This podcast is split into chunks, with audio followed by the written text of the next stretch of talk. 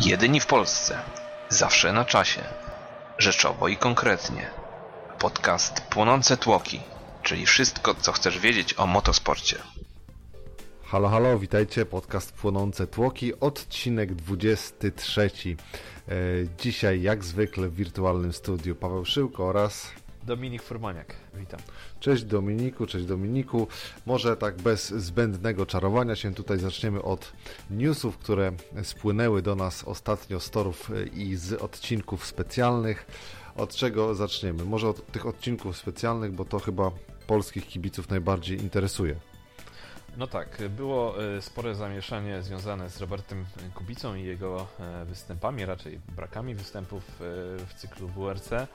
No wiadomo, że w, w zasadzie w ostatniej chwili zrezygnował z rajdu Argentyny. Były też obawy co do kolejnego rajdu, rajdu Portugalii, ale już możemy uspokoić.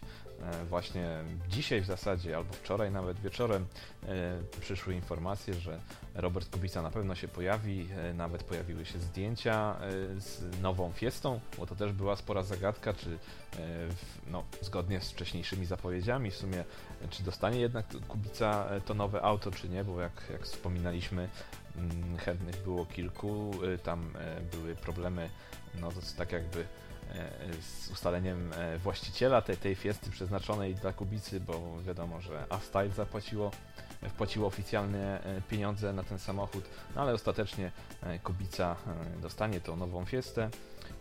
Z tym, że jego przygoda z A-Style wygląda na to, że się zakończyła. Tutaj w Portugalii będzie on wspomagany przez M-Sport, jeśli chodzi o te sprawy techniczne, o mechaników i tym podobne rzeczy. Także no tutaj chyba jednak Kubica wraca do, do M-Sportu. Wykupił sobie pakiet jakby taki, nie wiem, wspomagający od M-Sportu, bo, bo, Tak. no bo na to wychodzi, że to on swoich M-Sport nie dał mu całe, całego zaplecza, podejrzewam, tylko w ramach powiedzmy swojej ekipy gdzieś tam z odpowiednią opłatą pewnie wspomogą Kubicę. No tak, podobnie zresztą e, miało to miejsce już, już w przeszłości w jednym e, z rajdów, e, także go M-Sport właśnie wspierał. No zobaczymy, czy ta współpraca będzie jednorazowa, czy może mm, Kubica wróci na dłużej do M-Sportu. No trudno powiedzieć, na jakich to jest zasadach, ale ważne, że Kubica będzie w Portugalii, ważne, że będzie śmigał nową Fiestą. Także no, mam nadzieję, że te wszystkie sprawy organizacyjne już, już są w miarę uporządkowane i będzie mógł się skupić na jeździe, no bo to jest przecież najważniejsze. Tak, no będąc przy M-Sporcie, będąc przy tym, co się dzieje wokół Kubicy, no to tutaj chyba y, muszę zaprzeczyć Twoim tutaj domysłom, że M-Sport może jakoś na dłużej chcieć współpracować z Kubicą, ponieważ no, tutaj Malcolm Wilson wypowiedział się ostatnio, że e, chce Thierry'ego Neville z powrotem w M-Sporcie, że z powrotem, e, patrząc na jego dokonania w tej chwili w Hyundaiu, chce go z powrotem i no, raczej tutaj y, ta stawka kierowców tych nie powiększy się już o Kubicę, chyba że na jakichś innych zasadach, jako taka druga liga, a może jako trzeci faktycznie y, albo czwarty y, samochód, y, jako czwarty kierowca, już taki y, raczej sponsorowany przez y, tych mniejszych kubicowych, że tak to określę sponsorów we współpracy właśnie z M-Sportem. Niemniej jednak warto wspomnieć, że Thierry Neville tutaj zostały docenione jego chyba jego postępy, które poczynił w tym sezonie z, mm, z Hyundaiem, jego wpływ na, na rozwój tego auta i no i tutaj M-Sport wyraźnie zainteresowany belgijskim kierowcą. Z odcinków specjalnych wracamy na tory, a właściwie przechodzimy na tory wyścigowe. Od czego by tu zacząć? Bo jest kilka tych naszych newsów i chyba najważniejszy taki news, jeżeli chodzi o, o wyścigi samochodowe na najwyższym, na najwyższym poziomie, na tej najwyższej półce, to pojawiły się znowu spekulacje, plotki na temat powrotu, a właściwie wejścia po raz pierwszy Volkswagena do Formuły 1. A to za sprawą oczywiście tego, że dlatego mają wrócić do Formuły 1 właśnie grupa Volkswagena, z którąś ze Poprzez Audi marek. w zasadzie. Poprz- poprzez Audi, ale tam mówiło się też o Lambo, mówiło się też o innych markach, ale y, otworzyło się okienko, ponieważ, y, y, ponieważ y, jeden z głównych y, prezesów firmy, który stał do tej pory na, na czele, na czele grupy Volkswagena, a jednocześnie był wielkim jakby przeciwnikiem i, i tam gdzieś jakaś ziarno niezgody między, było między nim a, a Bernim Ecclestone. Mówię tutaj o Ferdynandzie Piechu. E, no on był takim głównym blokującym dostęp grupy Volkswagena do Formuły 1. No i raczej tutaj jego działania i pod jego kierownictwem grupa Volkswagena e, kierowała swoje kroki w stronę Weca i no tutaj mamy i Audi przecież i, e, i, i przecież i Porsche mamy właśnie w, w, w Wecu czyli też najwyższa e, półka jakby wyścigowa, z tym, że w troszeczkę innym, oczywiście innym wymiarze, ponieważ mówimy tutaj o wyścigach długodystansowych. No i jak myślisz, jest to możliwe, żeby oni jeszcze pakowali się przy tak dużych programach E, jakim jest WEC dla dwóch swoich głównych właściwie marek. Jeszcze jest możliwość wejścia do Formuły 1, czy po prostu przekształcą którąś z tych marek? No, w świetle tego, co chociażby mówił ostatnio e, szef Red Bulla, mówię tutaj o firmie Red Bull, e, Dietrich Mateschnitz, powiedział parę dni temu, że no, jeśli nie dostaną szybko silników no, na tyle dobrych, aby mm, być znowu w stanie walczyć e, w czołówce, no to albo poczekają na Audi, które e, by dołączyło do F1, albo e, odejdą z Formuły 1. Także no, to, te powiązania z Audi, z Volkswagenem coraz żywsze są. Zresztą o tutaj wejściu do F1 Volkswagena czy Audi już mówi się od, od paru sezonów. No jeśli nie ten wielki koncern, no to, to kto inny mógłby no, zdołać ponieść koszty E, tak wielkiego zaangażowania w sport e, motorowy. E, no i tutaj, tak jak wspomniałeś, i WEC, i, i też mają przecież swoje kapy i DTM-y. No i tutaj jeszcze Formuła 1, wiadomo, no, chyba na najdroższa z tych wszystkich sportów. No, ale też jest to gigant, prawda? To, to, to no, trzeba dlatego powiedzieć, mówię, Volkswagen to jest chyba drugi nie oni, względem... To kto? tak, tak. To jest chyba po Toyocie drugi w ogóle światowy producent aut, także Także tak to wygląda w tej chwili. No cóż, zobaczymy. Dobrze, może fajnie by było, a może faktycznie ta droga yy, poprzez auta długodystansowe, bo tam yy, tutaj pewnie yy, ci, którzy nas słuchają od jakiegoś czasu, wiedzą, że tutaj troszeczkę jesteśmy sympatykami tego, co dzieje się w wyścigach długodystansowych i w tych mistrzostwach świata World Endurance Championship. Mm, także, także tutaj no, dla nas pewnie byłoby to ciekawe, dla wielu kibiców pewnie też. E, ta cała gałąź długodystansowa bardzo się rozwija i już nie mówię tylko i wyłącznie o LMP1, czyli tej e, najwyższej, mm, jak gdyby e, najwyższej klasie w wyścigach długodystansowych, ale też w tej chwili e, poczyniono odpowiednie kroki, aby ograniczyć już wręcz napływ nowych producentów do LMP2, ponieważ tam się tyle dzieje. Tych producentów e, nadwozi oraz silników jest bodajże 14 takich, e, jeżeli chodzi o kombinacje. I naprawdę tam się dużo dzieje i wszyscy jakby zwęszyli tutaj mniejsi producenci zwęszyli tutaj dobre, dobre źródło, dobre miejsce na promocję swoich marek oraz na zarobienie dość sporych pieniędzy, no i promują się właśnie przez, nie przez tą taką królową, e, królową motorsportu, czyli Formuły 1, tylko właśnie przez to takie boczne drzewo, przez, e, przez Weca, ale o tym będziemy mówić pewnie o wiele dłużej podczas kiedy będziemy omawiać niedługo zbliżający się właśnie wyścig Le Mans 24. W tej chwili skupmy się na bardziej takich tutaj lokalnych, powiedzmy mniejszych sprawach. Suzy Wolf miała okazję przejechać w, pierwszej, w pierwszym treningu przed Grand Prix, przed Grand Prix Barcelony, przed Grand Prix Hiszpanii. No i cóż, no fajnie było w końcu ją zobaczyć. W końcu się dopchała, bo zespół Williamsa wydawał się blokować ją dosyć skutecznie E, przed jazdami. No w zeszłym roku co prawda miała tam dwa, e, dwa razy była na, na torze faktycznie, ale nie pojeździła też zbyt dużo ze względu na jakieś dziwne awarie auta. No w tym, e, w tym roku przed Grand Prix Hiszpanii w pierwszym, w pierwszym treningu poradziła sobie całkiem dobrze, bez awarii, bez yy, żadnych wypadków, nie wiem, wycieczek poza tor. No ale odstawała troszeczkę jednak od, od już nie mówię od, od czołówki, bo od Rosberga to było prawie 3 sekundy, była wolniejsza, ale również była od, od, od Felipe Masy o sekundę wolniejsza, więc tutaj troszeczkę jednak w tej klasyfikacji o wiele niżej stała niż, niż nawet teammate. No jak sama właśnie ostatnio powiedziała, już w zasadzie straciła nadzieję, że zaistnieje w Formule 1, no, w tej rywalizacji wyścigowej. No już się pogodziła z tym faktem, że jedynie co jej zostało, no to uczestnictwo w jakiś tam free practice e, od czasu do czasu i, i to w zasadzie tyle. No, teraz słyszałem mm, ostatnio takie plotki, że mm, w przewidywanym pojawieniu się zespołu Haas e, w Formule 1 brana jest pod uwagę e, bodajże Danika Patrick, e, znana z Indykarów przecież. Ale jako główny kierowca? Tak, tak, jako jeden, jeden z kierowców. No tylko oczywiście to będzie zależało od, od sponsorów, czy wniesie ze sobą jakieś większe pieniądze. No bo wiadomo, że ze względu na jej dokonania, umiejętności, no raczej nie będzie brana pod uwagę, ale jeśli by przyciągnęła jakichś bogatych sponsorów, to, to może mm, pojawi się w końcu kobieta w wyścigu Formuły 1.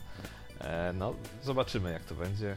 No tutaj wiadomo, w grę wchodzą duże pieniądze i nie wiem, czy Jean Haas zaryzykowałby kogoś takiego jak Danica Patrick. Ona, rozumiem, że ona się już, już jest weteranką właściwie na, na arenie wyścigowej w Stanach Zjednoczonych, ale tak jak od czasu do czasu sporadycznie, ale tam zerkam sobie co tydzień na te wszystkie wyniki oraz na jakieś tam highlights, czasami też obejrzę jakiś wyścig, czy to z NASCARa, czy to z, z IndyCarów no to Danika Patrick, no niestety, no ale to no, ona zawsze gdzieś tam raczej, raczej w końcówce się gdzieś tam y, znajduje niż, niż tutaj gdzieś w czele. Już nie mówię o żadnej pierwszej dziesiątce nawet, ale zawsze jest to gdzieś ta druga połowa y, stawki. No a wiadomo, że w amerykańskich seriach te stawki sięgają 40 powiedzmy samochodów, czyli te miejsca zawsze odległe i jednak chyba troszeczkę brakuje tych umiejętności. A nie brakuje chyba jednak pieniędzy, także całkiem możliwe, że, że Gene Haas się skusi, chociaż on jako taki multimilioner mm, nie powinien narzekać na, na taki początkowe, e, początkowy budżet, jeżeli chodzi o zespół Formuły 1. E, dobrze. Mm, Do F1 jeszcze wrócimy później.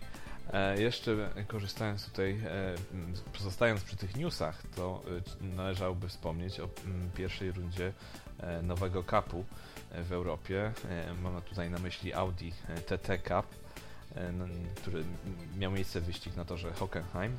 No tam wiadomo, dwójka Polaków, Jan Kisiel i Gosiar Dest. No jeśli chodzi o tego pierwszego kierowcę, no to Janek całkiem nieźle wypadł w pierwszym wyścigu, zajął czwarte miejsce. No w drugim wyścigu już miał troszeczkę pecha. Wyścig był w dosyć trudnych warunkach, w deszczu.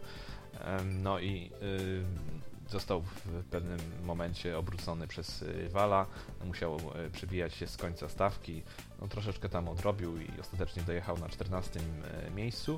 No, w generalce jest na siódmej pozycji, także no, jest to jeszcze niezła pozycja wyjściowa, zważywszy na fakt, że i w treningach, i w sesjach testowych, kwalifikacjach Janek całkiem nieźle się spisywał, był szybki, także może jeszcze powalczy o, o przynajmniej miejsce na podium. Czy ty Natomiast... się orientujesz, ile on ma lat w ogóle? Bo tak jakoś gdzieś to mi umknęło jest, w tej Jest młodym, młodym kierowcą, nie wiem ile dokładnie ma lat, ale, ale jest jeszcze e, młodym e, kierowcą, także wszystko przed nim. E, ja tego chciałbym się tak zwrócić uwagę jeszcze małą na oprawę w ogóle tego TT Cupu. Oglądałem highlights, no i tam faktycznie ta możliwość konfiguracji tego, co widzimy na ekranie jest dość spora. E, poczynając od wszystkich zegarów, wskaźników e, różnych, e, które wskazują i przeciążenia, i prędkości, i, no i masę, masę różnych innych wskaźników. Już w tej chwili nawet nie wspomnę, te wszystkie nawet odległości do poprzedzających, do, do, do kolejnych zawodników. To bardzo zgrabnie jest zrobione. I cóż, chyba można też oglądać przez, przez internet, przez stronę internetową. W takiej właśnie jakości powiedzmy HD i razem z tymi wszystkimi wskaźnikami, które możemy sobie dowolnie właściwie konfigurować, prawda? Tak, jest streaming prowadzony na, na stronie organizatorów, także no jest to całkiem fajnie pomyślane dla widzów. Oczywiście zupełnie za darmo, także nie ma, nie ma problemu z dostępnością. No jeszcze tutaj tylko gwoli ścisłości wspomnę o występie Gosirdes. No niestety, no chyba, że ktoś może spodziewał się, że e, Gosia będzie tam odgrywała jedną z głównych ról. No tak, tak nie było. E, dojeżdżała raczej e, z tyłu stawki 15 i 20 miejsce w obu wyścigach, także no bez, bez szału. No ale tak jak mówię, chyba raczej nikt nie liczył na jej występy, no takie na miarę pierwszej dziesiątki. No tak, no i tutaj kończąc może już ten wątek wyścigowo-newsowy, taki jeszcze ciekawostka może albo nie, chyba, chyba Bernie Ecclestone i ci, którzy zarządzają Formułą 1 w tej chwili wzięli sobie do serca e, to, że już nie można chyba ignorować wszelakich mediów społecznościowych i powoli, powoli gdzieś tam Formuła 1 zaczyna e, gdzieś tam pojawiać się w tych mediach e, już tak szeroko przecież znanych, tak popularnych jak YouTube czy czy też Twitter, czy, e, czy powiedzmy Facebook i faktycznie jest tego więcej. A co mnie najbardziej ucieszyło, to właśnie to, że Formuła 1 zaczyna swoje pierwsze kroki stawiać na w jakiejś sensownej formie e, na YouTubie i, i to, że faktycznie kierowców posyła się praktycznie między kibiców, że mają, jest ten kontakt kierowców Formuły 1 z kibicami, a to za sprawą takich specjalnych eventów, przed czy po treningowych, które, e, które właśnie, w których uczestniczą jacyś wybrani kierowcy, kilku wybranych kierowców. E, no i, i cóż, no jak Ci się to podoba? Bo mi bardzo, ja byłem naprawdę w szoku. Oczywiście tego nie oglądałem ostatniego z Barcelony, ale ten poprzedni z Bahrajnu, e, ten taki event oglądałem i bardzo mi się podobało i naprawdę uważam, że to, to jest świetny krok. Tak, ten, ten event właśnie przed Bahrajnem był bardzo fajnie zrobiony, tak pomysłowo i i na pewno to przysporzyło e, więcej fanów. Natomiast no co do samego profilu na YouTubie, no nie ma tam zbyt wiele interesujących rzeczy, są jakieś tam Ale, ale zaczynają się pojawiać, tak? To już wiesz, to poprzednio tego nie było, a teraz te, te właśnie no tak, no eventy no wiadomo, możemy że, oglądać już na... Że to dopiero początek.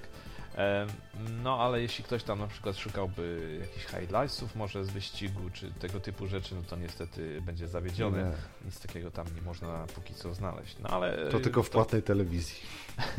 ale może, może gdzieś z czasem to się pojawi, także e, warto sobie tutaj dodać do subskrypcji e, ten kanał i, i od czasu do czasu tam zerkać. Może no, sam, samo to, że się e, samo to, że pojawiła się właśnie konferencja prasowa przed Grand Prix Hiszpanii, to już o czymś świadczy. Tego do tej pory w ogóle nie było i właściwie prawa do tych konferencji miały tylko wykupione wielkie stacje telewizyjne, no takie jak Sky czy BBC do tej pory.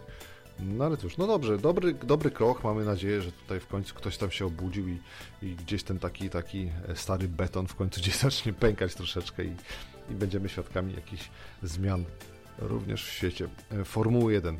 Przejdźmy teraz może do wyścigów. E, cóż, było tego trochę. Powiem Ci szczerze, Dominik, że oglądałem, miałem taki plan, żeby sobie obejrzeć większość z tych wyścigów, ale fizycznie nie dałem rady. E, było ich tyle podczas tego weekendu ostatniego, że no, no fizycznie człowiek nie przerobi tych wyścigów.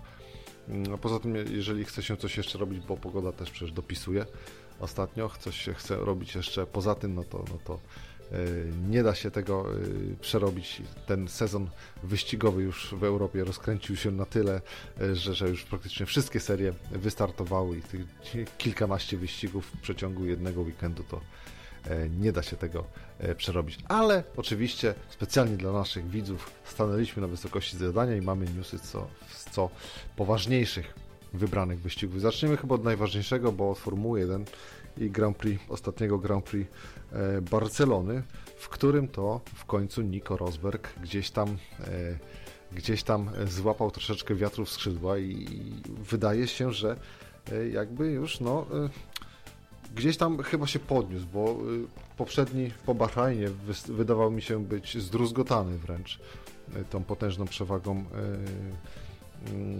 y, Hamiltona, a w tej chwili no tak dosyć łatwo mu to przyszło, bo i przecież w treningach brylował i w kwalifikacjach i E, no tak, weekend cały dla niego. E, jak sądzisz, czy będzie, czy jest to e, znak, że coś się zmienia tam w zespole Mercedesa, czy po prostu, czy, czy to tylko jedna jaskółka, jaskółka wiosny nie?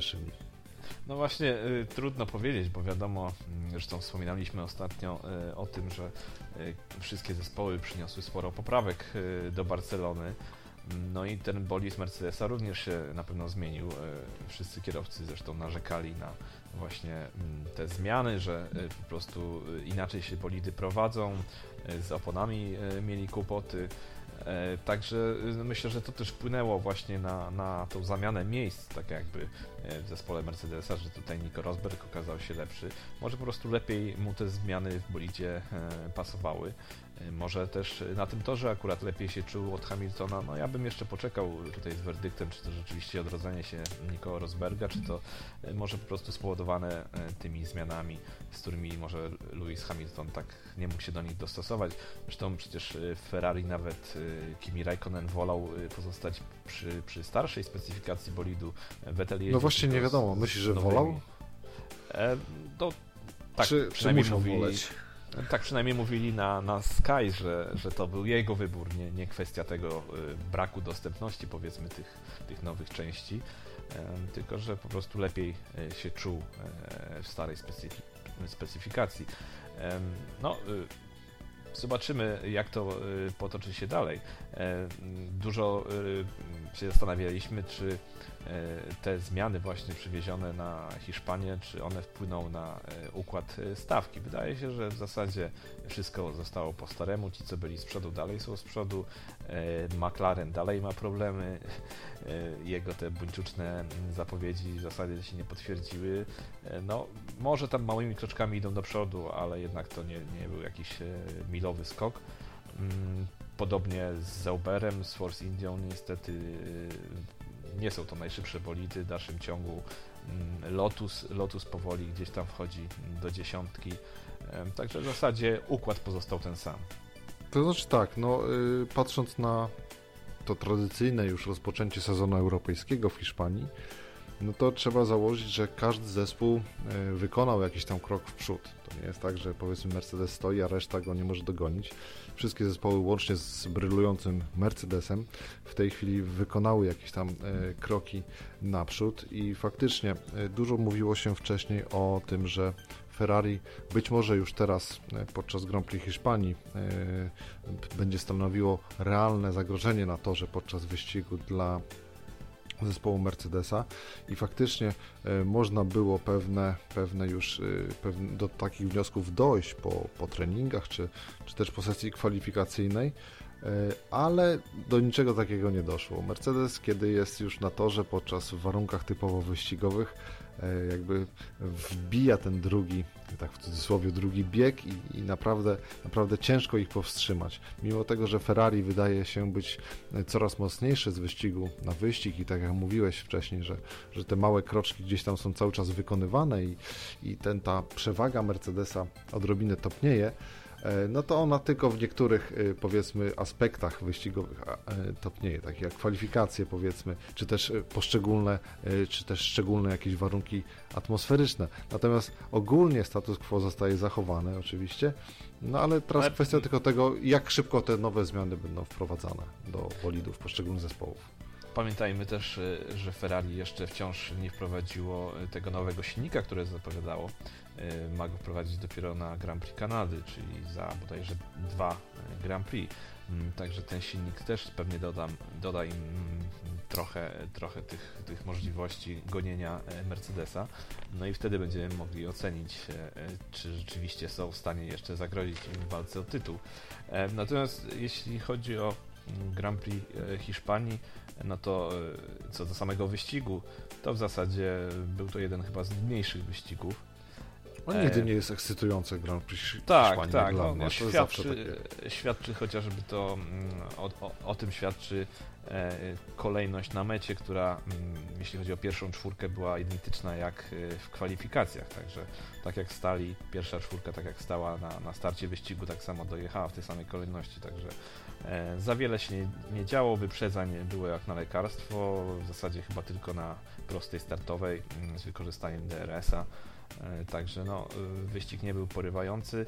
No tutaj jeszcze, mm, jeśli chodzi o Ferrari, no też wszyscy mogli się zastanawiać nad ich taktyką, bo okazało się, że chyba tym razem to oni popełnili błąd z Sebastianem Vettelem, nie zareagowali w porę na, na ruch Mercedesa, kiedy to Vettel był przed Hamiltonem połowie. Oni czuli się zbyt pewni chyba wtedy. Chyba tak, chyba tak. No, Mercedes odrobił lekcję z przeszłości. Postanowili zmienić taktykę dla Hamiltona, żeby pojechał jako chyba no, jeden z nielicznych w stawce na trzy pit stopy. Ferrari nie zareagowało, zostawiło Vettela na taktyce dwu pit stopowej. No i okazało się, że Hamilton na tym zyskał, był w stanie później jechać bardzo szybko, no i ostatecznie przyjechał na metę przed Vettelem. A dodajmy, że, że jeszcze chwilę wcześniej, przed tym takim tym undercutem tak zwanym, no to yy, Hamilton zresztą strasznie narzekał przez radio, że on praktycznie w stosunku do Vettela nic nie może poradzić na jego prędkość i że faktycznie jeżeli Y, oni nie zmienią tej taktyki, to faktycznie e, Vettel byłby przed Hamiltonem, ale tutaj udana zagrywka strategiczna ze strony y, zespołu Mercedesa no pozwoliła na to, że, że właśnie dwa pierwsze miejsca należą po raz kolejny do, e, do kierowców zespołu Mercedesa. No, A tutaj no, tylko chciałbym właśnie przypomnieć, co y, Hamilton mówił, y, kiedy Nico Rosberg się skarżył, że y, przecież parę wyścigów temu nie mógł się zbliżyć do Hamiltona i przez to Vettel go tam męczył. Przecież Hamilton mówił, że no, jeśli mu tak to przeszkadzało, to mógł przyspieszyć i wyprzedzić go. No a tutaj widać Hamilton nie był w stanie wyprzedzić Ferrari, no czyli to takie jego czcze gadanie. No, wychodzi na to, że, Wiesz, że jednak to, to zawsze jest dobrze mówić po fakcie, tak. No po fakcie też łatwo, łatwo kogoś krytykować, czy, czy tworzyć jakieś tam, no nie wiem, kąśliwe komentarze, e, szczególnie jeżeli ma się w tym jakiś tam interes, prawda? Także ten. Przejdźmy do naszych ulubieńców może, jeżeli chodzi o kierowców zespołu, e, o kierowców e, Formuły 1. Verstappen i Sainz znowu naprawdę udowodnili, ci dwaj młodzi kierowcy naprawdę po raz kolejny udowodnili, że y, to, że oni są w Formule 1, y, to nie jest przypadek, to nie, jest, to nie są nazwiska i to nie są pieniądze absolutnie, to, to czysty talent. To, jak wystartowali obaj do Grand Prix w Hiszpanii, no to zasługuje na, na, na miano jakiegoś, no nie wiem, no nie mistrzostwa świata, bo tutaj oczywiście nie, ale bardzo ładnie to zrobili, e, szczególnie, nie wiem, czy to e, Sainz wystrzelił chyba strasznie tam na, na, na starcie i, i, i zyskał kilka pozycji, no kurczę, naprawdę y, obaj panowie nie, nie zdradzają jak gdyby, y, y, jak gdyby tutaj swojego młodego wieku i swojego braku doświadczenia na torze. I absolutnie Wręcz powiedziałbym, że w tych pierwszych etapach, w tym pierwszym etapie e, wyścigu, kiedy to jeszcze e, zaraz po starcie, e, przez te, te dwa, trzy okrążenia całkiem, całkiem dobrze sobie radzili. Niestety, niestety później zabrakło, zabrakło prędkości w tych ich bolidach i niestety musieli uznać wyższość nawet swoich kolegów z tego takiego matczynego zespołu matki, czyli tego głównego Red Bulla. Mm, zostali wyprzedzeni, oni bardzo szybko zaczęli spadać w klasyfikacji e, generalnej wyścigu i, i gdzieś tam ostatecznie e, skończyli dosyć, e, dosyć daleko, o ile mnie pamięć nie myli, bo przecież Max Verstappen był 11, a Sainz 9. Sainz był 9, Sainz, był 9. Także, także tutaj no troszeczkę szkoda, bo, bo tempo było dobre, umiejętności są, tylko że no kurczę, tak, no, to jest właśnie chyba efekt tych nowych zmian. Przede wszystkim w kwalifikacjach byli bardzo wysoko, przecież Sainz był bodajże piąty, e, Verstappen też był e, w, w dziesiątce, w Q3, mm, także no bardzo, bardzo dobrze pojechali. E, lepiej przecież od, od Red Bulli. No później właśnie tego tempa wyścigowego trochę im zabrakło, ale, ale co chyba najważniejsze, to właśnie przy tej niezwykle widowiskowej jeździe i skutecznej, no jeszcze nie powodują w ogóle jakichś wypadków, także no to jest zdumiewające, jak, jak ci właśnie młodzi kierowcy, debiutanci e, radzą sobie w tej, tej stawce i obalają ten mit, że e, no, młodzi, niedoświadczeni to raczej, raczej jest problem dla Formuły 1. Mm, pamiętamy Grożona, jakie rzeczy wyczyniał, pamiętamy innych debiutantów, e, no a tutaj Sainz i, i, i Verstappen rzeczywiście jadą jak, jak stare wili. Mi się wydaje, że oni też, też to jest zasługa też trochę ich rodziców, bo będąc wychowankami rodziców, którzy są kierowcami zawodowymi, byli kierowcami zawodowymi albo i są, nadal, no to jednak daje swego rodzaju chyba e, taką poczucie pewności siebie, że, że faktycznie, jeżeli ojciec może, to ja też mogę i jakby wchodzą całkowicie z innego poziomu do tej Formuły 1, czy też do, do każdej serii wyścigowej, w, których, w której uczestniczą.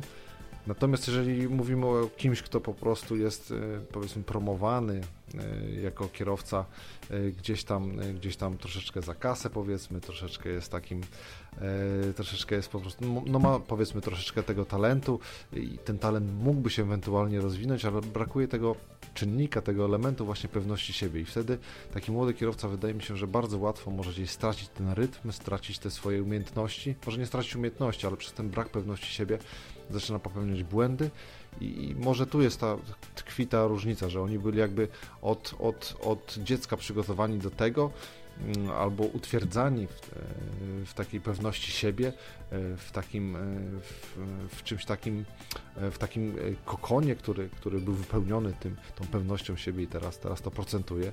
No i chyba bardzo, bardzo fajnie, ale to takie moje tylko jakieś tam małe, małe przemyślenia. Tragiczna forma zespołu McLarena, tej, tej sagi mamy ciąg dalszy. Ja już naprawdę nie wiem, czy oni kiedykolwiek się y, podniosą z tego, bo, bo y, Eric Bullier mówił o, o, o czymś takim, że może jakieś punkty pod koniec tego roku, a ewentualne podia w przyszłym. Y, nie wiem, myślę, że gdzie oni są w tej chwili i czy to się nie rozejdzie czasami jakimś wielkim boom za chwilę z Hondą? No trudno powiedzieć, jakie będą nastroje w Hondzie i w zasadzie tam na najwyższym szczeblu jakie decyzje mogą e, zapaść, no bo e, jednak przewidywanego mm, wzrostu formy nie widać i e, w dodatku wciąż im się przytrafiają jakieś tam komplikacje sprzętowe, że tak to nazwę.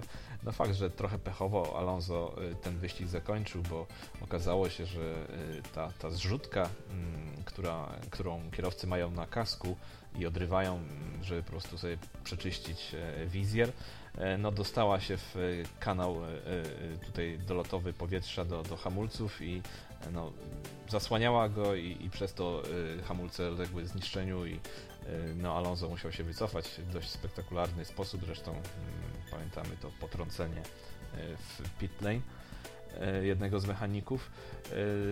No ale, ale jednak takie wpadki się przydarzają im wciąż.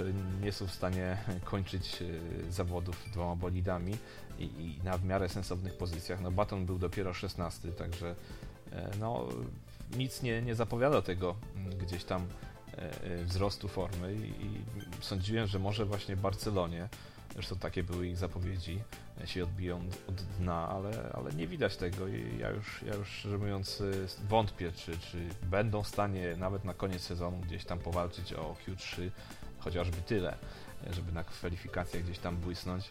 E, no nie mówiąc już o, o walce jakieś podia czy, czy coś takiego, bo to jest, to jest chyba w ogóle już nierealne. No Jenson Button w ogóle pogubiony wydawał się w tym wyścigu. On od początku zresztą, od początku weekendu, przez, przez, od początku treningów, kwalifikacji, on ciągle narzekał na, e, na brak przyczepności na, na, e, przed, na, na tylnej osi. Koła ciągle mu spinowały z tego, co, co, co tam przez radio mogliśmy usłyszeć w tych komunikatach. E, jakoś nie wiem, brak kompletnie trakcji w tym bolidzie. No i to jest związane przede wszystkim z tym, że e, już sam silnik silnikiem, on podejrzewam, że nadal jeździ na troszeczkę ograniczonych obrotach, ale tam jest problem z tym odzyskiwaniem energii, z tym MGU e, K oraz H też po części, bo bo tam te uszczelki, o których e, taka była mowa przed sezonem jeszcze, e, które ciągle tam padały w, e, w testach przedsezonowych, to jest nadal problem. Nadal chyba nie rozwiązano problemu właśnie z, tym, z tymi wadliwymi jakimiś uszczelniaczami. No i, i dlatego też nie ma tego, tego przełożenia tej mocy gładkiego na tor. No i cóż, i, i Konstrukcja silnika, mimo że nowatorska, tam ostatnio pokazały się nawet w internecie już rysunki, jak wygląda, jak wygląda właśnie powiedzmy ta konstrukcja silnika Hondy i dlaczego on jest tak ciasno upakowany. No i ktoś tam się wypowiedział z zespołu, już nie pamiętam w tej chwili kto, ale były takie, takie mm, takie głosy, że McLaren chciał iść na kompletne, chciał zastosować kompletnie bezkompromisowe podejście do konstrukcji tegorocznego bolidu i od początku e, zlecili Hondzie skonstruowanie tak silnika, żeby, żeby stworzyć, żeby on pasował do tego, e, jak nazywany jest wewnątrz McLarena Zero Size Car.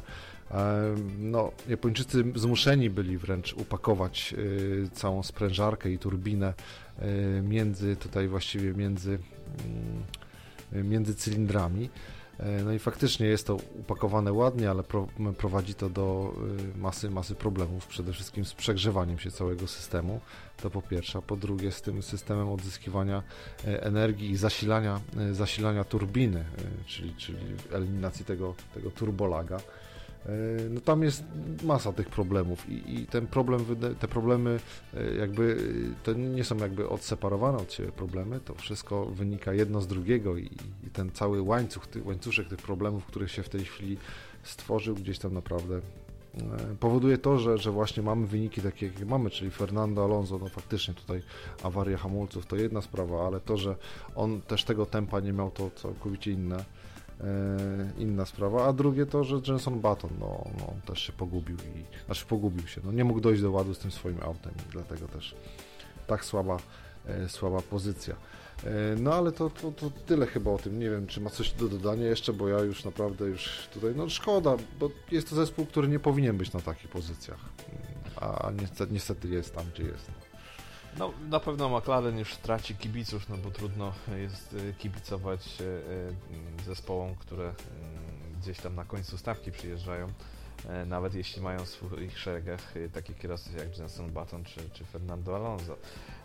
Natomiast przechodząc do innych zespołów, no to nie zawiedli nas przedstawiciele Lotusa, jak zwykle. Roman Grosjean w punktach dojechał, mm, tak jak już to na nas przyzwyczaił. No tak. i tak samo przyzwyczaił nas e, pastor Maldonado do nie, nieukończenia e, wyścigu. Odnośnie pastora, jeszcze tylko ci tak teraz tutaj wtrącę się na chwilę. Nie wiem, czy widziałeś to zdjęcie pastora przed, y, z promocji Mad Maxa? W tym takim, Chyba tak. W takim, bolidzie, tak, tak, tak. w takim bolidzie, który, który jest zrobiony właśnie na styl Mad Maxa, z karabinami, z różnymi takimi... No bo no, przekomicznie to wygląda, akurat pastor w tym, w tym aucie. No, no. E, trzeba też e, właśnie wspomnieć, że tutaj e, też takie trochę, mm, jak zobaczyłem właśnie to malowanie okolicznościowe bolidu Lotusa, właśnie z naklejkami z filmu Mad Max, no też mi się wydawało takie trochę rozmienianie się na drobne, no bo od kiedy to takie drobne promocje są pakowywane tutaj w malowania bolidów, no może niedługo, nie wiem, e, na bolidzie Lotusa będzie reklama Biedronki, no bo nie, do no tego ale... się to chyba sprowadza. No być może to jest to taki jeden, jeden strzał, ale wiesz co, z drugiej strony, no pamiętasz zawsze, co było przed Grand Prix Monaco. Y, tam no tak, się różne jest... rzeczy promuje. A tutaj tak, troszeczkę, no może, może nie było stać sprawa wyjątkowa sprawa, jeśli chodzi o Monako, bo tam przecież pamiętamy gdzieś tam jakieś diamenty wplecione e, e, w nosy. Pogubione później zresztą. Tak, tak. E, no tego typu akcje, no to, to jest specjalna promocja na, na Grand Prix Monaco. No ale tutaj no, reklama filmu no tak trochę dziwnie to dla mnie wyglądało. No może no wiesz, akurat ja mam takie akurat, akurat film mnie, mnie tam specjalnie nie razi, a y, akurat dzisiaj jest 14 maja, dzisiaj jest chyba premiera właśnie Mad Maxa nowego w kinach, więc więc chcieli, podejrzewam, zdążyć przed właśnie. Pewnie by zrobili to taką promocję fajną na E, na Grand Prix Monaco, ale że film ukazuje się przed Grand Prix Monaco, no to postanowili pokazać się właśnie w, Bra e, w Barcelonie.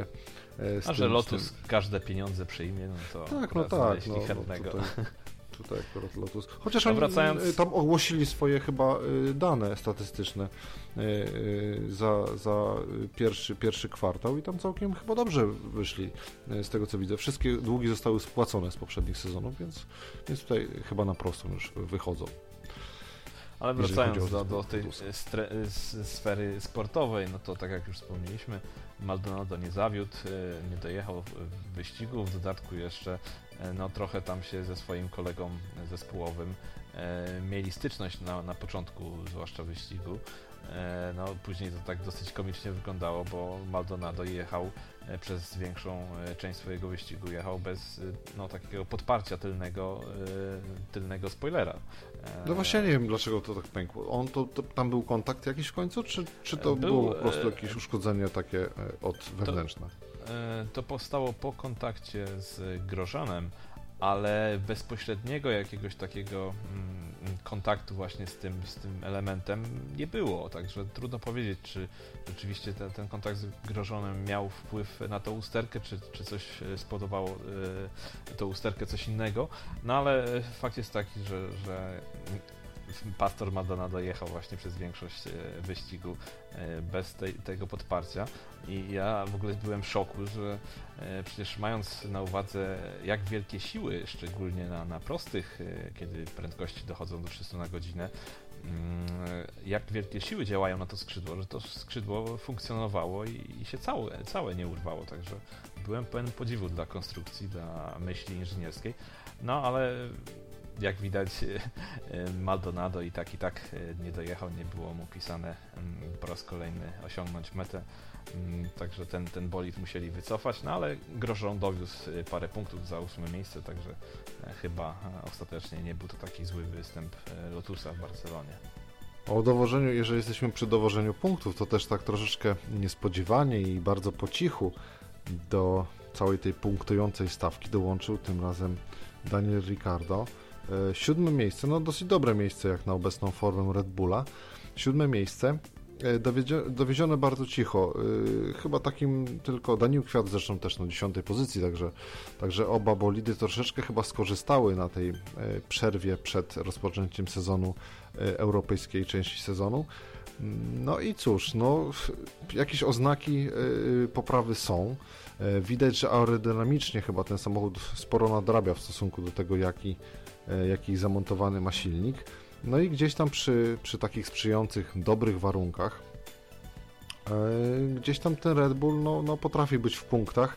Z tym, że no, to też nie jest miejsce, w którym chciałby być Red Bull, przyzwyczajony przecież do e, poprzednich swoich triumfów i praktycznie totalnej dominacji w ostatnich, w ostatnich latach. Teraz miejsce siódme i dziesiąte na pewno nie jest satysfakcjonujące zarówno dla kierowców, jak i dla, dla włodarzy tego zespołu. No ale e, mimo wszystko zdobyli jakieś tam cenne punkty. E, nadal ten, wydaje mi się, że ten bolid jest na tyle dobry, że, że faktycznie tam, jeżeli Renault w końcu dopracuje ten silnik, bo no bo ja już nie wiem, czy tam się pojawiły jakieś nowości, nowości odnośnie jakichś newsy odnośnie tego silnika, czy, czy Renault już, już skapitulowało całkowicie i po prostu już chcą dowieść tego, bo, bo już no, się pogubiłem. Ostatnio, ostatnio przycichło y, tutaj, jeśli chodzi o Renault. No, chyba dalej coś tam próbują, ale chyba są pogodzeni już y, z losem, że w tym sezonie nie uda im się dogonić stawki i chyba y, tam specjalnie się jakoś nie szarpią, nie wysilają. No ale mm, tak jak wspomniałeś, że tutaj wzrost formy Red Bulla, no ale um, trzeba też spojrzeć na to, że wciąż y, jest to przepaść, jeśli chodzi o czołówkę do Mercedesa, przecież do Nico Rosberga stracili ponad jedno okrążenie, także to już tak, tak, no to, samo to za, oczywiście. za siebie. Ale nie mówię w, w, w stosunku powiedzmy do innych zespołów, bo wygląda na to, że podczas tego wyścigu w Barcelonie oni zajęli miejsce, e, miejsca podobne do okupowanych przez te, e, do tej pory przez zespół Zaubera, który, który tą przerwę właśnie przed sezonem europejskim troszeczkę źle chyba spożytkował. I tutaj chyba widać jakieś braki w budżecie, ponieważ no, mimo tego, że ten silnik Ferrari faktycznie daje radę, jest całkiem, całkiem dobry już w tej chwili, no to, y, no to y, nie powtarzają już tych wyników z początku sezonu i wydaje się, że inne zespoły właśnie pokroju Red Bulla e, i, i powiedzmy nawet Lotusa już powoli wypychają właśnie, e, wypychają e, zespół, wypchnęły już właściwie zespół Zaubera z, z tej pierwszej dziesiątki i oni w tej chwili są, no troszeczkę są lepsi niż Force India, chociaż wyniki tego ostatniego wyścigu może na to nie wskazują, ale wydaje się, że mimo wszystko odrobinę lepszy, lepszym jest e, bolidem tegoroczny Zauber. No i cóż, Felipe na, tak, ale... na 12, a Ericsson na 14 miejscu, tak, tak. Bez rewelacji Tutaj, taki wyścig. Jeśli chodzi właśnie o, o Zaubera, to dokładnie te same miejsce zajęli co w poprzednim wyścigu w Bahrajnie.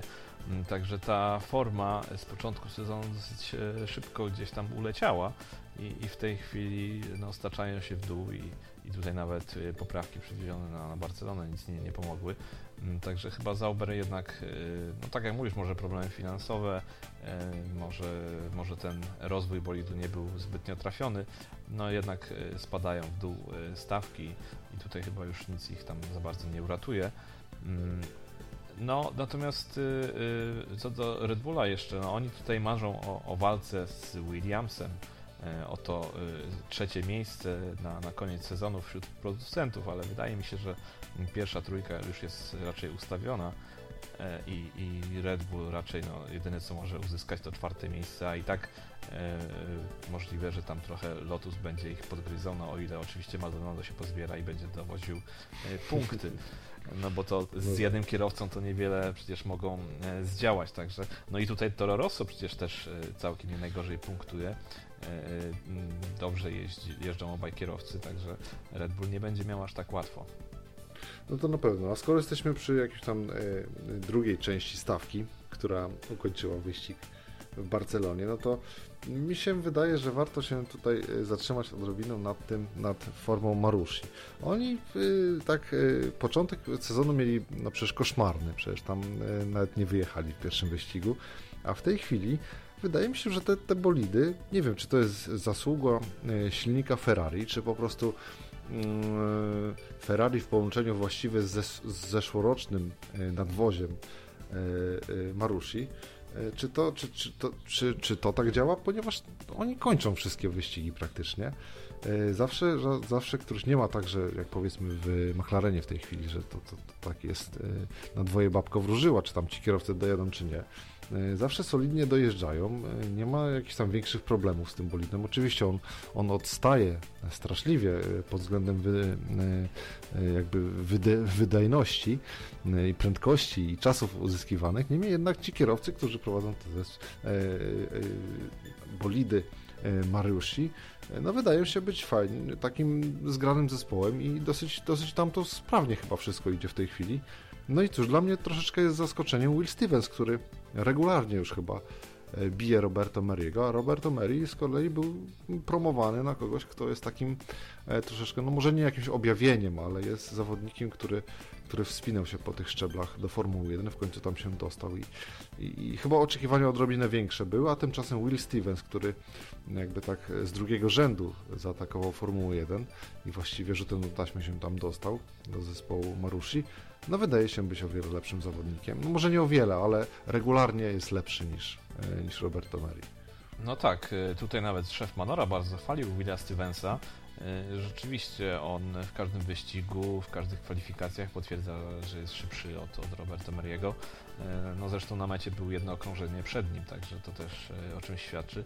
No a co do tej formy Manora, no, no nie wiem, bo y, gdyby McLaren jechał na 70% swoich możliwości, notując podobne czasy co y, powiedzmy Manor, też by pewnie dojeżdżał do mety. Także to jest chyba, to chyba wynika mm, po prostu z nastawienia tego zespołu. Oni chcą dojeżdżać do mety, kończyć wyścigi i, i dlatego też y, no, z takim tempem to powoduje, że nic, nic z tym bolidem się nie dzieje i nie mają problemów technicznych i dojeżdżają. Zresztą tam przecież wiadomo, że bolid jest zeszłoroczny, więc nie było jakichś spektakularnych e, zmian e, konstrukcyjnych, jakichś prób no, upakowania tego w inny sposób, czy, czy nowatorskich rozwiązań, no to też powoduje, że ten bolid jest niezawodny, także no, kwestia tylko tego, czy rzeczywiście nastawiamy się na dojeżdżanie do mety, czy może chcemy gdzieś tam się zbliżać do, do tej mm, e, końca stawki nawet. No, kwestia, kwestia po prostu podejścia. No ale myślę, że w takim stanie, w jakim jest w tej chwili Marusia, no jakiś tam y, większy zastrzyk finansowy od y, jakiegoś, któregoś z dużych sponsorów, bo oni całkowicie czystym bolidem w tej chwili jeżdżą, tam nie ma żadnych sponsorów chyba, żadnych, przynajmniej nie widziałem, żadnych sponsorów na tym, na tym aucie nie ma, e, więc, więc tutaj własnym sumptem wszystko jest e, finansowane. I gdyby dostali jakiś zastrzyk finansowy, to być może, być może mogliby się tam dopchać e, powiedzmy na początku przyszłego sezonu gdzieś tam do walki powiedzmy, no nie wiem, w tej chwili z Force Findią powiedzmy, czy też z zespołem Saubera, no fajnie by było. No i byliby też chyba godnym przeciwnikiem dla przyszłorocznego debiutanta, czyli zespołu Haas F1, który no wiadomo w przyszłym roku pojawi się również w, w, w stawce Formuły 1. No ale no dobrze. Jeśli to... oczywiście mają zamiar zostać na, na kolejne lata, to też nie wiadomo, co, co będzie w przyszłości z Manorem. No, ja, ja byłem taki troszeczkę y, sceptycznie nastawiony do tego zespołu. Myślałem, że to chodzi tylko o te pieniądze, które oni tam y, mieli do odzyskania za zeszły sezon, ale słuchając tutaj y, wypowiedzi włodarzy zespołu Marushi, no tam, tam oni naprawdę są zdeterminowani, żeby ten zespół się jednak utrzymał i to wszystko, co co zdarzyło się do tej pory zespołowi Marusia e, w tym sezonie. No. Nie ma. Manor jest. No tak, no tak, no cały czas e, Marusia. No ale powiedz, no Manor, tak, oczywiście. Wszystko, co, co, e, co doprowadziło właśnie zespół Manor do tego, że w tej chwili pojawia się w padoku F1, no to w głównej mierze zasługa i determinacja właśnie zarządzających tego zespołu, więc tutaj no być może, być może, ja mam wielką nadzieję, że ten zespół pozostanie pod taką czy inną nazwą i, jednak będzie e, e, zespół Gina Hasa będzie miał z kim rywalizować na powiedzmy na podobnych warunkach, e, na podobnym poziomie wydajności. Coś jeszcze, tych, jeżeli co do tego o... braku reklam na Manorze, to może E, może powinniśmy się skontaktować, może by się zgodzili na reklamy naszego podcastu na swoich boilach, czemu nie? No tak, płonące tłoki, jakby tak się tam gdzieś pojawiło, na pewno... Zawsze pewno parę groszy może im się przyda. No tak, tak. Będą mieli na ołówki dobiera. tak, no, no pewnie tak. No. Ale jak oglądalność nam skoczyła. Obie, o, obie strony, obie strony na pewno by mocno na tym skorzystały. A Ale co im dobrze, szkodzi, tyle... skoro i tak pusto jeżdżą? No. No tak, no tak. No w sumie to, to, to, nie, ma, nie ma znaczenia. Dobrze, ale przejdźmy do innych wyścigów. Przejdźmy do innych wyścigów, bo czas nas tutaj nagli.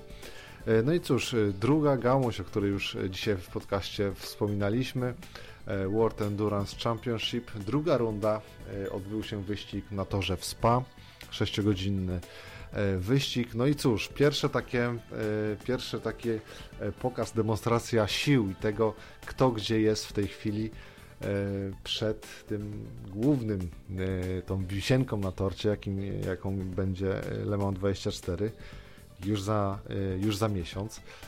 No i cóż, znowu się dowiedzieliśmy, że Audi wydaje się być najmocniejszy przed tym, przed tym wyścigiem. Porsche, mimo tego, że E, tempo całkowicie, e, całkiem mocne miało. Jest to bardzo szybki bolid, ale jednak w warunkach wyścigowych Audi z takich czy innych względów e, no, znów wygrywa i, i tak się stało też tym razem. Audi pokonało zarówno Porsche, jak i Toyotę i no, zameldowali się właśnie na pierwszym, na pierwszym miejscu, chociaż zespół Porsche był bardzo niedaleko, bo tam różnica była rzędu 13 sekund E, więc tutaj naprawdę, naprawdę blisko było. Niemniej jednak, cokolwiek by przeciwnicy nie robili, jakiekolwiek by bolidy nie wystawiali, to na koniec Audi tak melduje się pierwsze, e, pierwsze przekracza metę po tych 6 godzinach. I jakie są Twoje wrażenia, Dominik? Nie wiem, e, czy znowu będziemy świadkami w tym roku dominacji Audi, przynajmniej w, w Le Mans? To znaczy, no, biorąc pod uwagę to, co się dzieje właśnie na początku sezonu, e, e, czyli no, to już się powtarzamy, ale e, tak jak wspomniałeś, Audi rzeczywiście z różnych powodów melduje się na mecie przed Porsche, przed Toyotą. No, Toyota akurat w tym wyścigu miała problemy techniczne, no jeszcze nie wiadomo też jak na to wszystko wpłynął potężny wypadek na Kadzimy, bodajże w kwalifikacjach. W treningu. Tak, w treningu swoją drogą Nakajima prawdopodobnie nie wystartuje e, w Le Mans. No ale, ale wydaje się, że w perspektywie właśnie tego wyścigu e, na Le Mans, gdzie, gdzie ta taktyka, gdzie e, wytrzymałość bolidu, jego niezawodność no, jest decydująca, kluczowo, no wydaje się, że Audi jest, jest faworytem. No Porsche Na pewno jest szybsze, lepsze niż w zeszłym sezonie, ale czy to im pozwoli zagrozić Audi w Le Mans, ja, ja szczerze wątpię. No z Toyotą, Toyota jakoś, jakoś się pogubiła. To znaczy, jakoś to tak... Jest... Znaczy tak, z Toyotą jest tak, że oni jeszcze nie pokazali pakietu y, tego low drag, czyli tego takiego y, pakietu y, z małym dociskiem aerodynamicznym. Audi przywiozło dwa bolidy z tych trzech, siódemka i ósemka, jechały właśnie z tym takim z, z specyfikacji Le Mans i dlatego też były dość wysoko. No ale z drugiej strony, znaczy e, siódemka, która wygrała, oczywiście była dość wysoko, było dość wysoko, no, na pierwszym miejscu.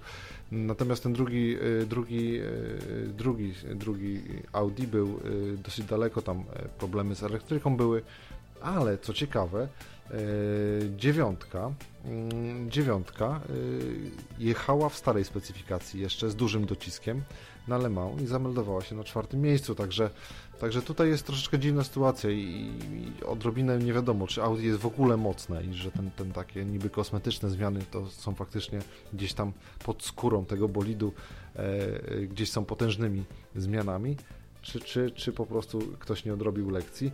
Chociaż wydaje się, że zarówno Toyota, jak i Porsche, e, oni też nie pokazali jeszcze tej specyfikacji Le Mans. E, były próby już, ale, ale jeszcze tych pakietów e, nie ma e, na te długie prędkości, na te, na te duże prędkości, na tych długich, prostych na torze Le Mans, więc nie wiadomo tak naprawdę jeszcze kto gdzie stoi. Poza tym Nissan jeszcze w ogóle się nie pojawił na torze, także to jest dość ciekawa sprawa, czy, czy oni gdzieś tam, gdzieś tam się zameldują. Ale walka wydaje się być ciekawa. W tej chwili Audi oczywiście E, na pierwszym miejscu. Oczywiście bryluje tutaj na, na, na czele tej stawki, ale ja bym jeszcze nie przekreślał. Zarówno Toyoty, która faktycznie, tak jak wspomniałeś, w tym wyścigu się pogubiła i gdzieś bardzo daleko z tyłu gdzieś tam zajęła e, odpowiednie miejsca. E, no ale cóż, no, no, na pewno ciekawie będzie obserwować, bliżej, obserwować na pewno są, wyścig. Te, te wszystkie trzy zespoły na pewno są bliżej siebie w tym roku. No i tutaj już e, e, wydaje się, że te, te różnice będą mniejsze i, i, jest szansa, żeby e, Porsche i Toyota zagroziły Audi, chociaż no, z drugiej strony, tak jak, tak jak mówię, że Audi już tradycyjnie przyzwyczaiło nas, że, że jest niezawodne, że taktycznie też świetnie jadą ten wyścig, także ja myślę, że, że tutaj faworytem w dalszym ciągu oni pozostają.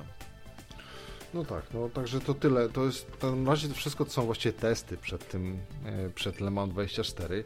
E, zespoły e, testują poszczególne, poszczególne elementy, szczególnie nadwozia, bo Audi wydaje się być mocne aerodynamicznie i faktycznie tak jest.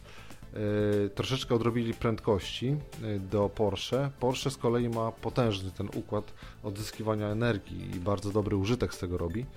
No i faktycznie tam e, na prostych faktycznie może nie chodzi nie tyle o prędkość maksymalną, ale o samo wyjście z zakrętu i przełożenie tej mocy zgromadzonej w kersie na, e, na koła, na asfalt, e, no to lepiej wychodzi troszeczkę zespołowi Porsche.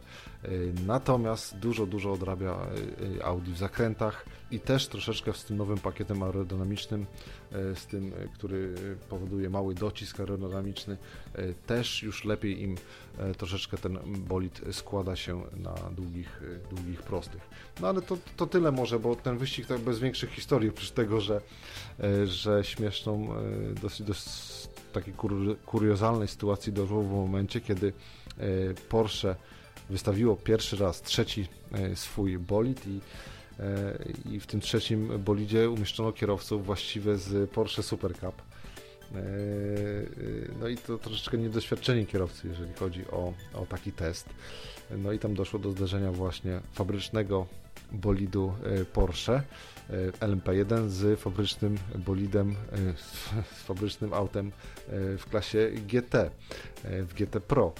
I to troszeczkę tak chyba, troszeczkę się niesmak zrobił w tym całym zespole, ponieważ no, no taki błąd to no, słono kosztował zespół, raz, że y, y, pozbawił szans na dobre miejsce y, bolid LMP1, a dwa też y, gdzieś zbił w klasyfikacji generalnej też auto GT. A co do klasy LMP2, to tutaj króciutko tylko wspomnę.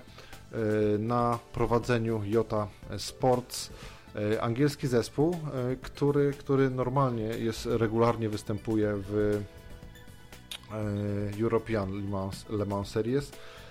No i tutaj był debiut, ich taki test jak gdyby w, z, razem z konkurencją w, w klasie LMP2. Oni nie będą jeździć w całym sezonie, ale jako że będą konkurować w Le Mans 24, e, także wystawili swój, e, swój bolid w klasie LMP2.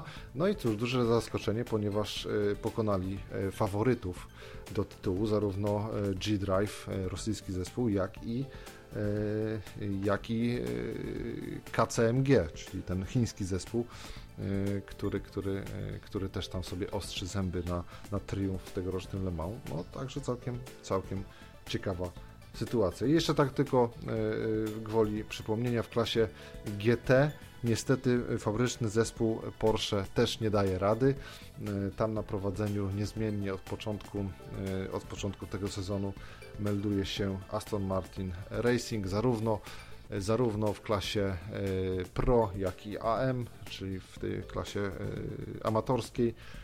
No cóż, troszeczkę z tyłu zostaje zespół Ferrari, AF Corse gdzieś tam na trzecim miejscu. Troszeczkę, ich, troszeczkę im chyba e, Giancarlo Fisicelli e, brakuje do, do, do kompletu dobrych kierowców, mm, dlatego też słabsze, e, słabsze wyniki.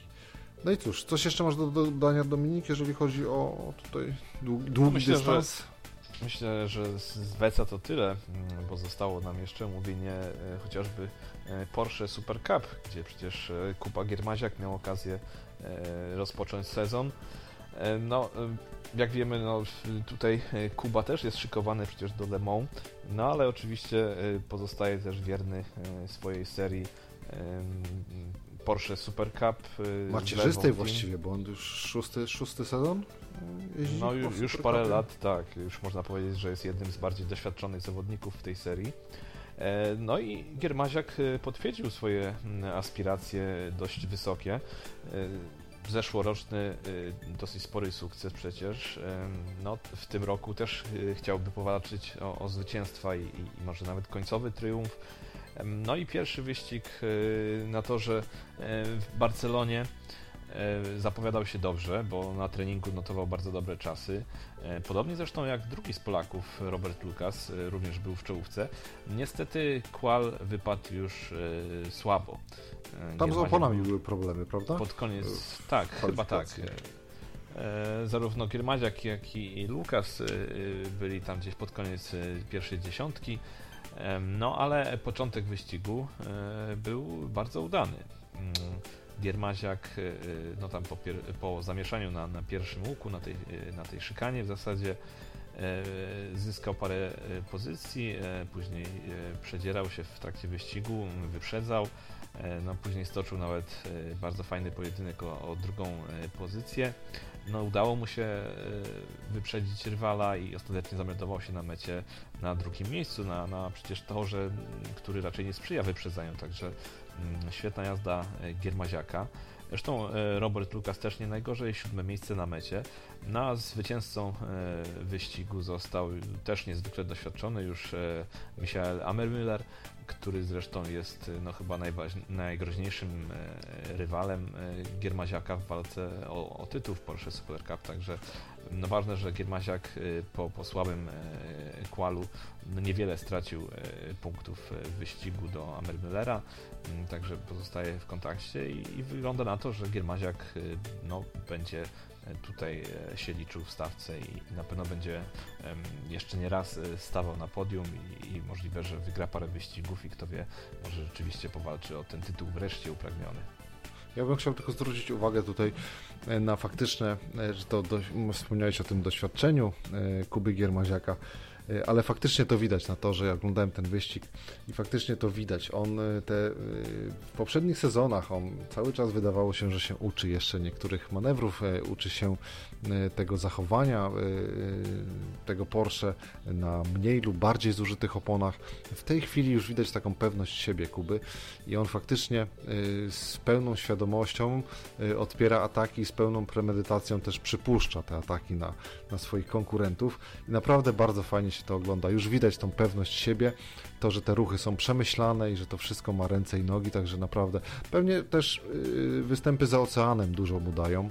Y, przecież też tam jeździ w, w sporadycznie, co prawda, ale, ale pojawia się w tych długodystansowych amerykańskich wyścigach w serii United Sports Cars Championship. No i cóż, no bardzo fajnie się go ogląda.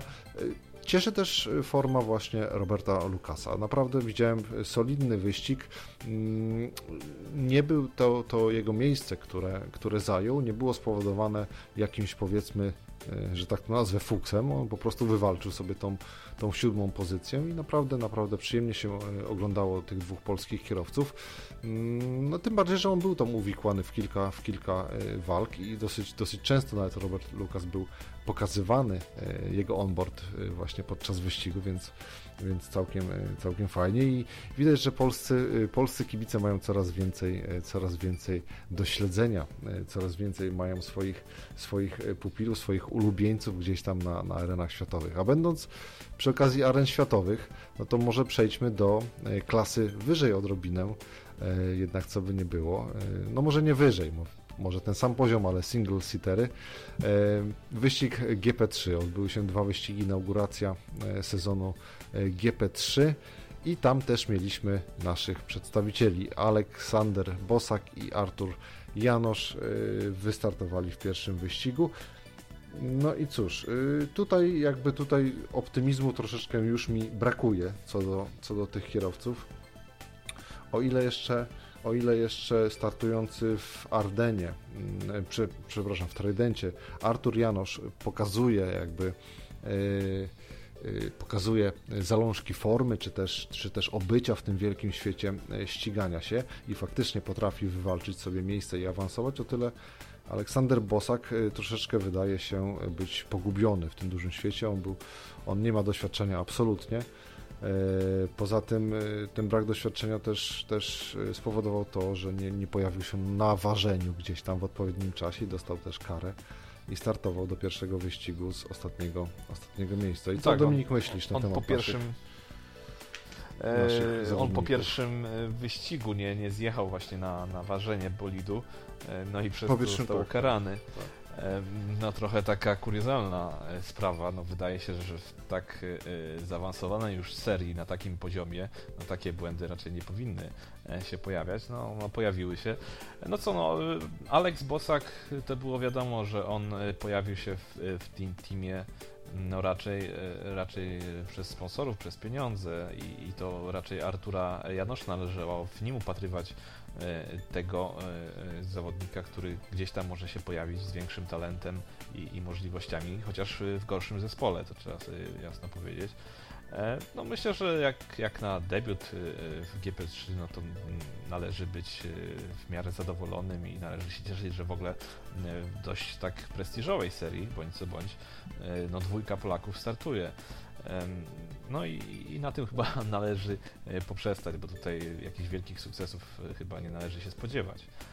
No tak, no z tym, że mówię, no akurat e, Artur Janosz, to trzeba podkreślić, on przynajmniej dobrze wypadł na, na tle swoich Y, na tle swoich, może nie tak nie rewelacyjnie, ale gdzieś tam nie ustępował zbytnio y, swoim, y, swoim kolegom z zespołu.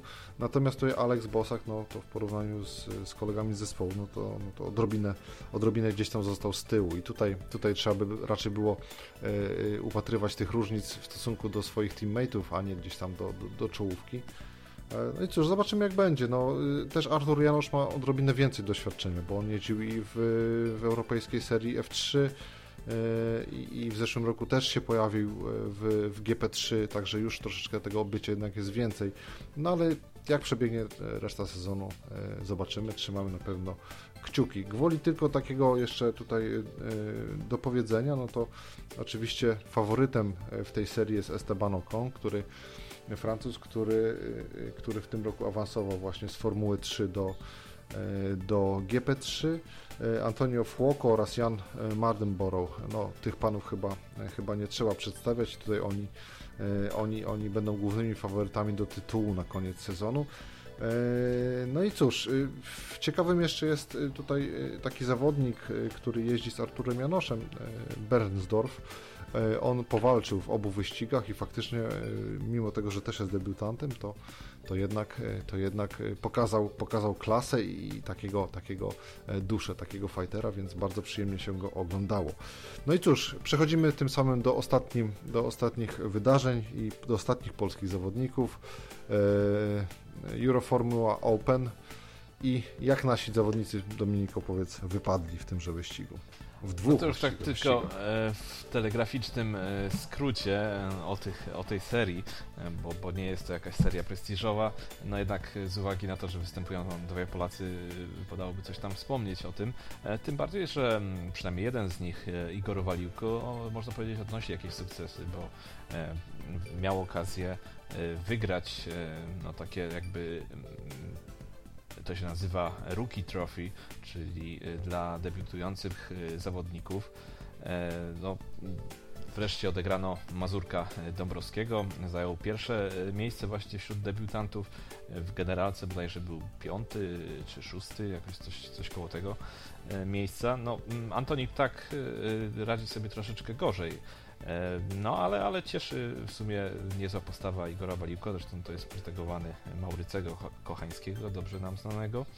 E, no i on chyba, warto... Kochański chyba obydwu tych naszych zawodników tam jakby e, kieruje w tej serii, a jest też doradcą tutaj naszych, tutaj Artura Janacza i Aleksandra Bosaka w GP3.